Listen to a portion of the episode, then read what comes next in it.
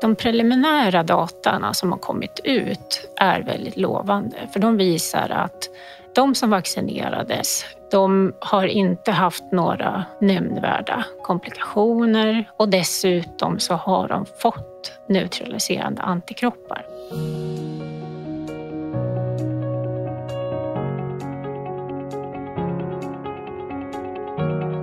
Är det så att det är helt vanliga förkylningsvirus som orsakar typ 1-diabetes? Alltså virus som de allra flesta av oss smittas av någon gång i livet. Att när hostan förstör hela familjens nattsömn och det känns motigt att du missar jobbmötet för att ännu en av typ tusen förskoleförkylningar får ditt barn att snora.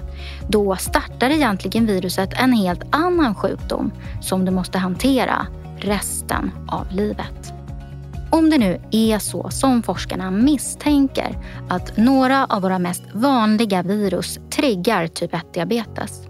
Hur stor chans är att vi kan vaccinera bort en av våra tuffaste sjukdomar? De frågorna ska vi försöka besvara idag. Du lyssnar på Diabeteslabbet med mig, Maja Lundbäck. En podd från Svenska Diabetesförbundet för dig som vill veta allt om diabetesforskning. Idag kliver jag in i labbet hos Malin Flodström Tullberg. Hon har varit med och utvecklat en vaccinkandidat mot typ 1-diabetes.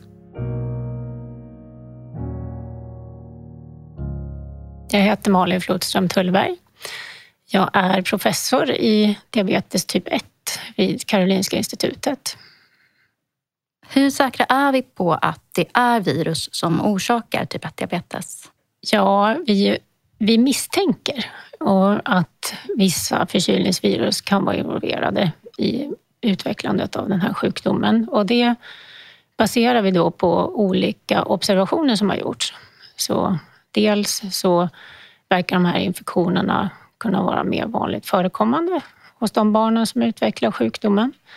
Sen har man också kunnat isolera viruset från nyinsjuknade typ 1-diabetiker och sen finns det också stora studier där man har tittat på bukspottkörteln.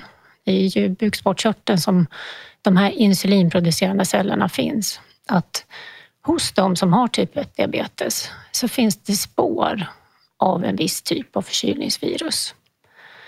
Så man kan säga att det, det är de starkaste bevisen vi har, men de är ju så att säga indirekta. Det är ju fortfarande bara observationer. Och det är därför vi jobbar mer för att förstå hur de här virusen skulle kunna orsaka sjukdomen och sen också om det finns ett sätt att förhindra virusinfektionerna och då med det sättet även se om man kan förhindra att sjukdomen uppstår. Virusteorin. Vad som orsakar typ 1-diabetes är fortfarande en olöst gåta. Men redan på 1800-talet började forskarna misstänka att virus är inblandade. Nu har stora studier ringat in olika virus som misstänkta. Några av virusen orsakar vanliga förkylningar, andra gör oss magsjuka.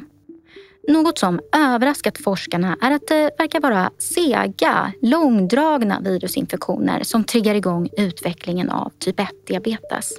Alltså när förkylningsvirus och magsjukevirus dröjer sig kvar i kroppen länge. I flera månader eller ett helt år till och med. Det är heller inte så att virusinfektionen ger typ 1-diabetes direkt. Det kan gå flera år innan symptomen på typ 1-diabetes sen ger sig till känna. Malin och hennes team har alltså utvecklat ett vaccin mot en av de här misstänkta virusgrupperna. Vad är det för virus vi pratar om? Så de kallas för enterovirus och eh, det är små så kallade RNA-virus som är väldigt vanligt förekommande. Alla vi som lyssnar på det här idag har förmodligen haft flera typer av enterovirusinfektioner och det säger sig självt då att de flesta orsakar inte typ 1-diabetes. Och vi vet också att de smittar främst genom att man får i sig det genom munnen. Så på något sätt så hittar viruset eh, vägen upp till luftvägarna. Så symptomen kan vara som en vanlig förkylning. Okej, okay, så det vanligaste är att man bara blir förkyld? Det vanligaste är nog att man inte ens märker av att man har infektionen. Men i vissa fall så orsakar det en förkylning. Och sen finns det även vissa som kan få allvarligare sjukdomar och det är när viruset hittar till hjärtat och infekterar hjärtmuskulaturen.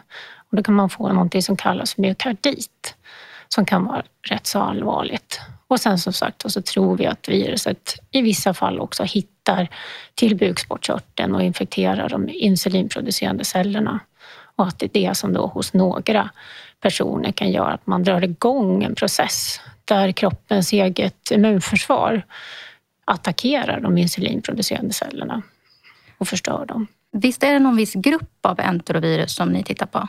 Vi tittar på en viss grupp som kallas för Coxsackie B-virus och det finns sex olika typer av Coxsackie B-virus och man tror att i princip alla de kan vara involverade. Mm. Hur vanliga är Coxsackie B-virus i Sverige? De är väldigt vanliga. Så om man tittar på barn så vid två års ålder så har de flesta åtminstone haft en infektion med ett Coxsackie B-virus. Och tittar man i vuxna så, så kan man hitta allt ifrån att man har haft en av de sex till att man har haft alla sex. Så det går inte riktigt att skydda sig mot Coxsackie B-virus? Nej, de finns ju runt om oss och risken för att bli infekterade är väldigt stor. De är väldigt smittsamma de här virusen. De är väldigt livskraftiga utanför kroppen. Att eh, risken är stor att man blir smittad om man har någon i närheten som, som har den här infektionen. Mm. Vet vi något om varför vissa utvecklar typ 1-diabetes och andra inte? Nej, och det är ju en av nyckelfrågorna som vi har tillsammans med många andra forskare i världen studerat i många år nu. Och eh, det finns hypoteser, men som till exempel att några har gener som gör att man är mer eller mindre känslig. Eh, det kan också vara när i livet man utsätts för de här infektionerna. Men något definitivt svar, det har vi inte. Mm. Men vapnet mot virus, det heter ju vaccin. Och du har ju varit med och tagit fram ett vaccin mot typ 1-diabetes. Vaccinet har testat på både möss och på rhesusapor och resultaten lovade en hel del. Hur lovande är resultaten? Jo, då är det ju så att man ska komma ihåg att vaccinet är ju primärt mot virusinfektionen och sen i förlängningen så hoppas vi att om vi kan förhindra virusinfektionen så kan vi också förhindra diabetesutveckling. Och som ett vaccin och med de studierna som har gjorts och som vi har gjort då i de här eh, modellerna så är det jättelovande. Det ser väldigt bra ut. Vi har experimentella musmodeller för virusinducerad diabetes där vi ser att vaccinet skyddar både emot infektionen och emot diabetes. Och sen de här studierna som du nämnde i de här rhesusaporna, där har vi bara testat om vaccinet ger ett antikroppssvar. För att det är antikropparna man vill få fram, för det är antikropparna som skyddar mot infektionen. Och som sagt, det funkar jättebra. De fick då, antikroppar? Ja, och då är ju förutsättningarna för att det ska funka även i människa väldigt, väldigt bra. På mössen var det alltså glasklart Malins team kunde bevisa att virusen orsakar typ 1-diabetes och att vaccinet skyddade mössen mot att få diabetes. Också rhesusaporna som fick vaccinet utvecklade de önskade antikropparna. Men möss är möss och människor är människor. Det är inte säkert att saker och ting fungerar på samma sätt i människor. För snart två år sedan gick forskarna vidare och testade vaccinet på människa i en så kallad fas 1-studie.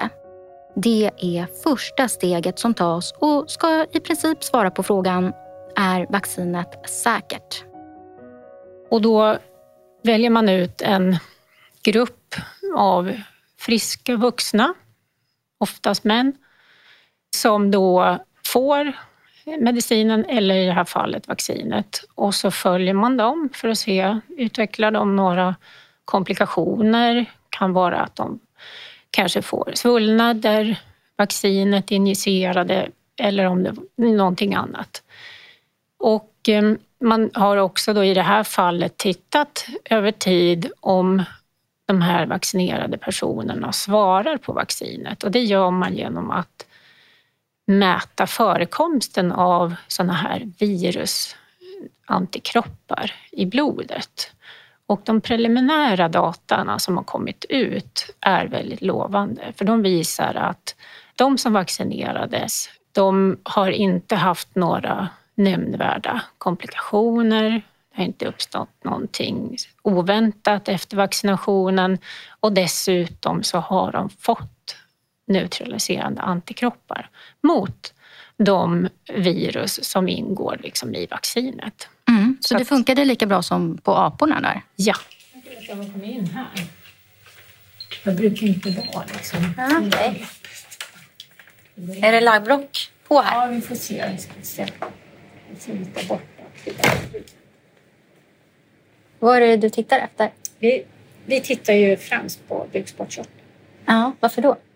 För ja, en del av, vi har ju en modell för virusinducerad diabetes. En modell, vad betyder ja, det? Alltså en musmodell. Ja. Som om den musen blir infekterad med Coxsackie-virus så får den diabetes. Mm. Här ligger det små genomskinliga tunna plattor med röda fläckar på. Vad är det för mm. någonting? Ja, det här är glas. Mm. Eh, och på de här glasen så ligger det då jättetunna snitt av bukspottkörtel. Bukspottkörtel från ja. mus? Ja. ja, precis. Och då kan man när man de är färgade, eh, som är, de är snittade, de här bukspottkörtlarna och sen så lägger man snitten på de här glasen. Och sen så färgar man glasen med någonting och, och ofta är det någonting som kallas för hematoxylin och eosin. HE-färgning brukar vi det. Och eh, det gör att det är mycket lättare att titta på morfologi. Liksom hur ser vävnaden ut strukturmässigt? Mm. Um, och då kan man titta på det i mikroskopet. Det tänkte jag att vi skulle göra. Ja, vad kul. Se om vi ser några av de här insulinproducerande cellerna. Ja, jättegärna. Mm. Kanske lite svårt för någon som är ovan, men om, om mm. du tittar in där. Jag tittar in. Ja, det ser ut som kött, typ. ja. ja. Sen den här ljusare, runda strukturen. Det är en så kallad Langerhansgruva. Aha. Och där finns bland annat de insulinproducerande cellerna. Om du tittar högst upp, mm. typ eh, klockan 12, klockan 1 ungefär. Där ser det lite annorlunda ut. Det är lite mer, de här prickarna ser lite annorlunda ut. De är lite kanske mörkare och mindre.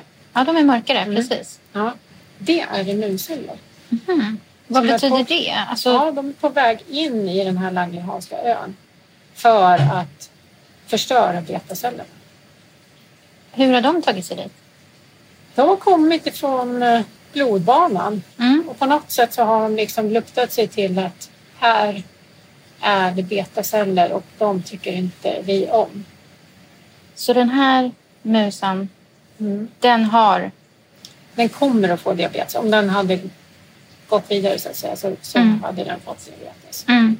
Och då hade den här Langerhanska ön blivit förstörd med mm. tiden. Mm. Så vi har liksom fångat den i ögonblicket där wow. den här immunologiska processen precis har börjat. Vad häftigt.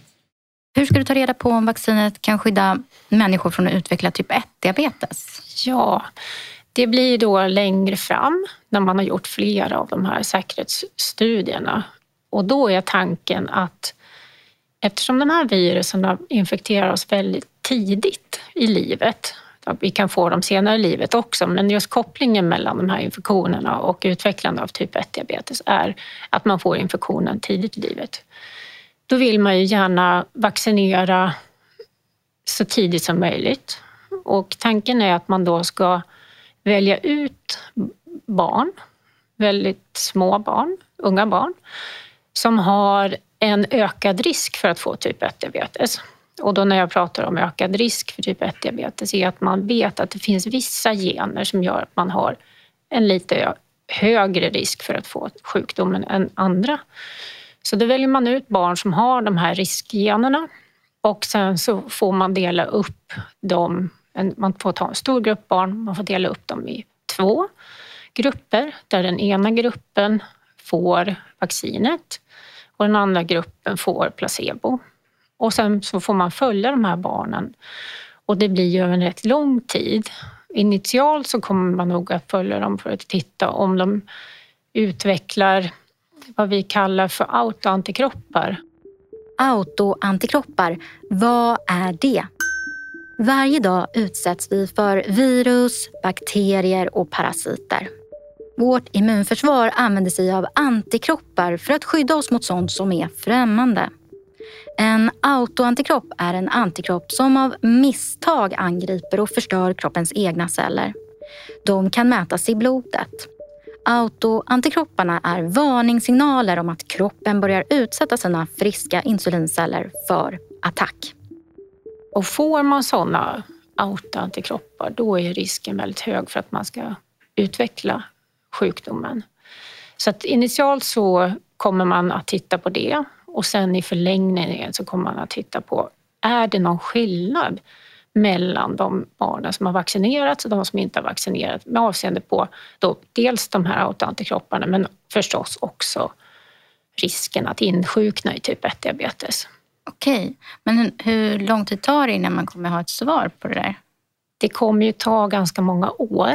Ehm, först så måste vaccinet genomgå flera sådana här faser i kliniska testningen för att se att det är säkert. Och vi har ju lärt oss nu sedan coronapandemin att man är försiktig med att börja vaccinera barn. Man vill först vara säker på att vaccinet är säkert och det, det gör man ju då genom att vaccinera vuxna. Men när man vet att vaccinet är säkert så kan man gå till att vaccinera barn och sen som jag sa, då måste man följa de här barnen och ofta så behöver man följa dem under många år så att ja, det, det kommer att ta tid. Mm. Men det är ju oerhört viktiga studier att göra. Mm. Både för att vi kan få reda på om de här virusen spelar roll. Eh, men också om det är så att det visar sig att det inte är någon större effekt, då får man gå vidare med andra spår. Mm. Mm. Men hur hoppfull är du? Jo, men jag är, är rätt hoppfull. Sen tror jag att många med mig är inte säkra på att de här virusen orsakar alla fall av typ 1-diabetes.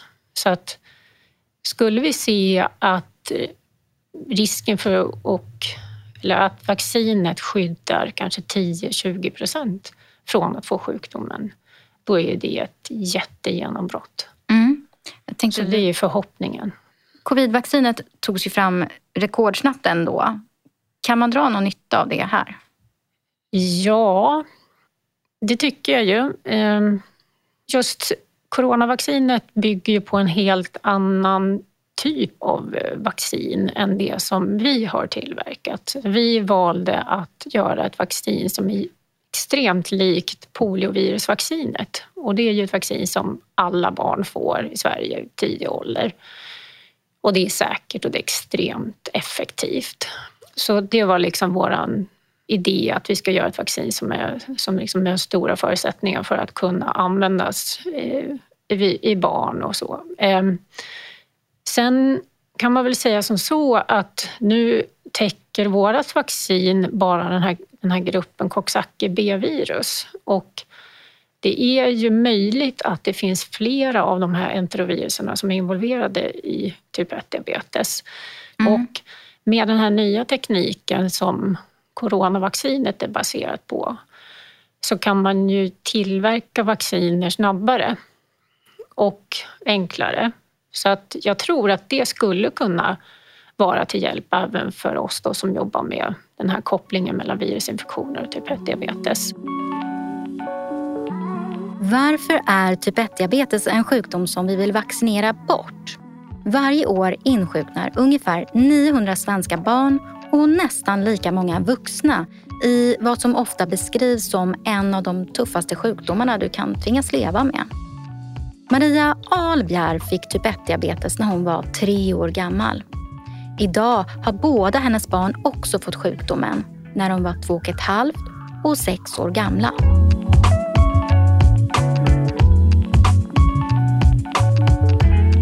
Min absolut första känsla när även barn nummer två insjuknade i diabetes var nej, så här kan det inte vara. Inte sjuttsiken kan så många i samma familj bli drabbade. Att leva med diabetes är ju en konstant koll på någonting som är superviktigt. Det handlar inte om att ha koll på hur många, många steg du har gått på telefonen för att du ska vara hälsosam, utan här handlar det om att du måste ha konstant koll på ditt blodsockervärde så att det inte blir för högt eller för lågt. För båda, båda scenarierna har och kan ha en dödlig utgång. Så att har du inte stenkoll på ditt blodsocker så, så kan du ju fara riktigt, riktigt illa. Och det gäller dygnets alla timmar, även mitt i natten eller när man är på fest eller när man gör något annat. Om man egentligen inte alls har tid att kolla sitt blodsocker så är det superviktigt att ha koll på det hela tiden. Så visst överlever man Eh, och lever bra, men, men det är ett stort jobb och det är ett stort ansvar och man kan aldrig riktigt slappna av varken på dagtid eller nattetid.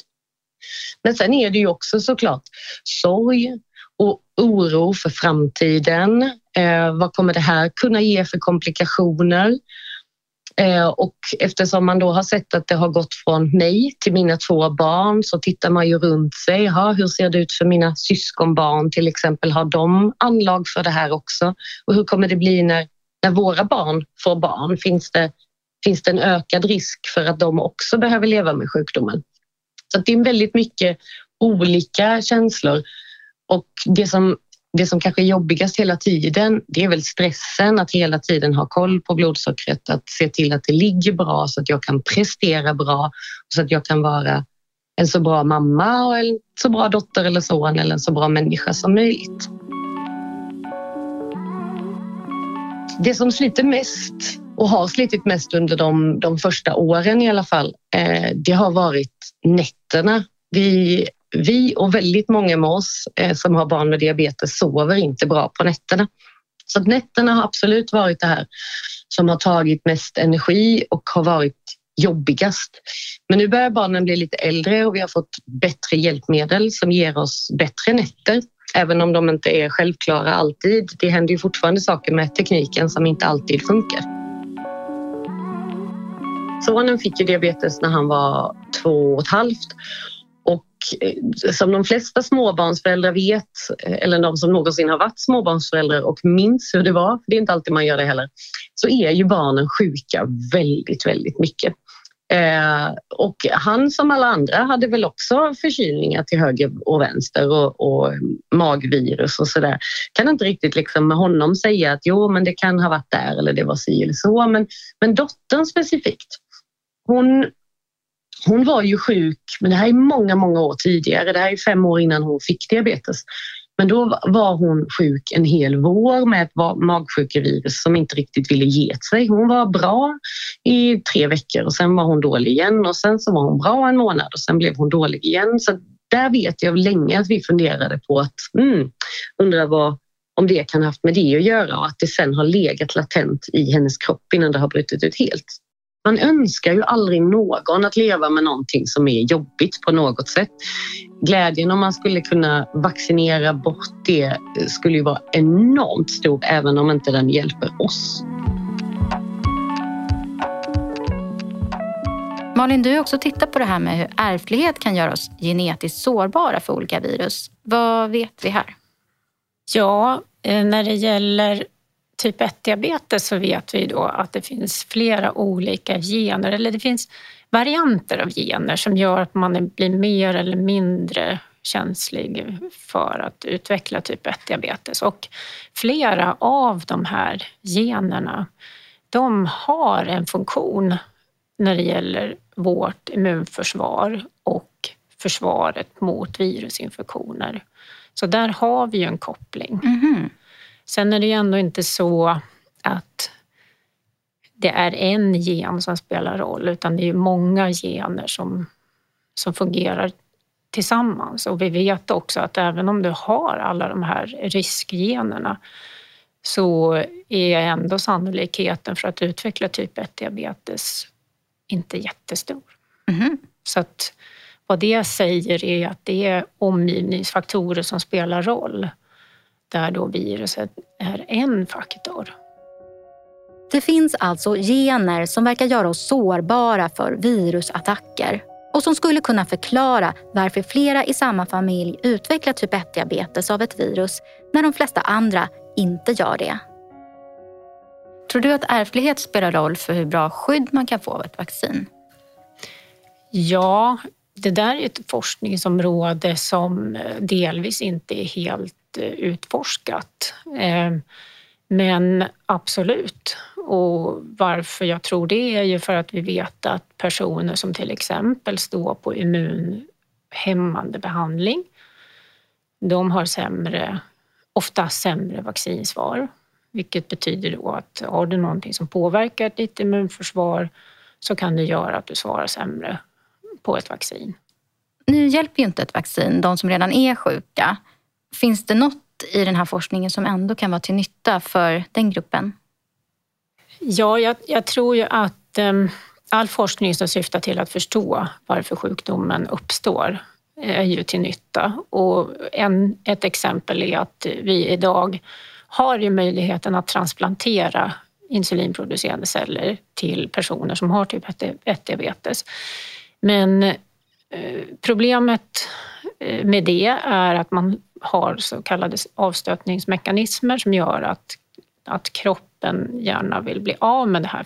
För tar man celler från en annan individ så ses ju det som främmande eh, av immunförsvaret. Ehm, och när det gäller typ 1-diabetes så är ju typ 1-diabetes en så kallad autoimmun sjukdom när kroppens immunförsvar attackerar betacellerna och de mekanismerna finns ju kvar så att säga hos den som har typ 1-diabetes. Och ju mer vi kan lära oss om hur immunförsvaret slår slint, eh, desto mer information har vi som kan, kan leda oss till att utveckla behandlingar som förhindrar avstötningsmekanismerna.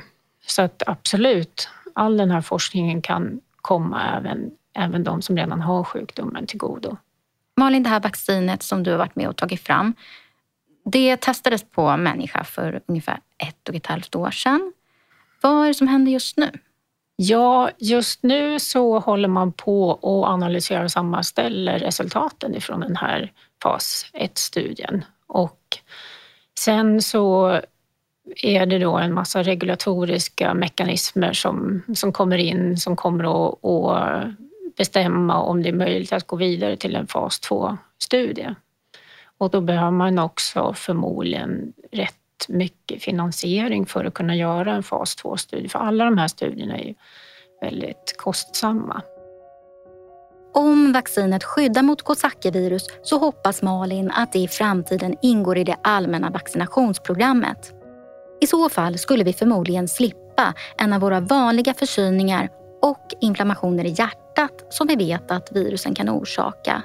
Och förhoppningsvis också många fall av typ 1-diabetes. Hur mycket skulle antalet nya fall med typ 1-diabetes kunna minska med det här vaccinet? Ja, det är ju en hypotetisk fråga och ehm, för min del så känner jag att, och tycker jag att skulle vi se en minskning med 10-20 procent, då vore det helt fantastiskt. Mm. Och resten av fallen då? Ja, det är det vi måste fortsätta att forska kring. Mm. Kanske är det andra typer av enterovirus eller kanske är det andra mekanismer som har att göra med våra mikrobiom, vår tarmflora, vad vi utsätts för när vi växer upp och så vidare. Så mer forskning behövs. Ja, vad tänker du på vad man utsätts för? Vad skulle det kunna vara? Ja, det finns ju liksom de här teorierna att om man, om man lever väldigt rent eh, utan kontakt med natur och djur och så, att man då får ett mer aggressivt immunsystem när det gäller kroppens egna celler och att man behöver ha den här kontinuerliga stimuleringen ifrån jord och skog och så. Mm. Har man sett den kopplingen mellan typ 1-diabetes hos barn till exempel? I, och, ja, det finns, eh, det finns flera studier som tyder på det här och ett exempel är en studie från Finland där man tittade på risken för att utveckla typ 1-diabetes och om den var kopplad till om man hade växt upp ute på landet eller i städer. Och det visade sig att barnen som växer upp i städer har högre risk att utveckla typ 1-diabetes än de som bor på landet. Kommer vi att eh, kunna besegra typ 1-diabetes med hjälp av vaccin som vi besegrat till exempel smittkoppor och nästan besegrat polio i världen? Det hoppas jag. Vilken betydelse har det om vi skulle kunna utrota typ 1-diabetes? Det har ju en enorm betydelse för att det är ju ändå mer än 900 barn i Sverige som utvecklar den här sjukdomen varje år. Och där kan du lägga till då nästan hälften så många vuxna som också utvecklar sjukdomen och det är ju en väldigt utmanande sjukdom att leva med.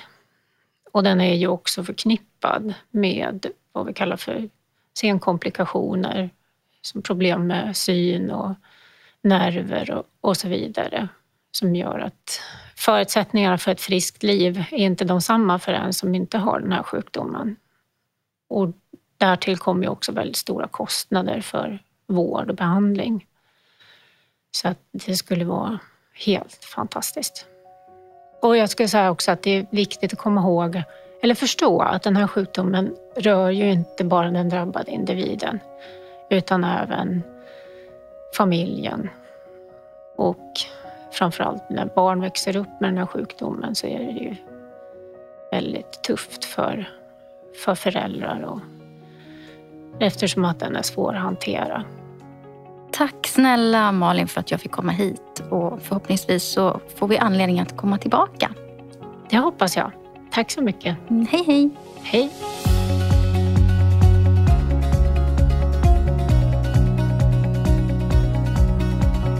Ja, men då rundar vi av där, kära lyssnare. Om du vill veta mer om hur forskarna försöker hitta sätt att byta ut de utslagna insulincellerna mot nya och på så sätt bota typ 1-diabetes, lyssna på avsnitt 1 där vi besöker Stamcellslabbet i Uppsala. Diabeteslabbet är en podd från Svenska Diabetesförbundet som produceras av Splay One med stöd av Diabetesfonden. Tack Johanna Powers Darlington, vår producent. Tack Ulrika Lundberg, vår redaktör, som också intervjuade Maria Albjer. Och har du en fråga så är du varmt välkommen att mejla den till diabeteslabbet diabetes.se. Det var allt för idag. Tack och hej!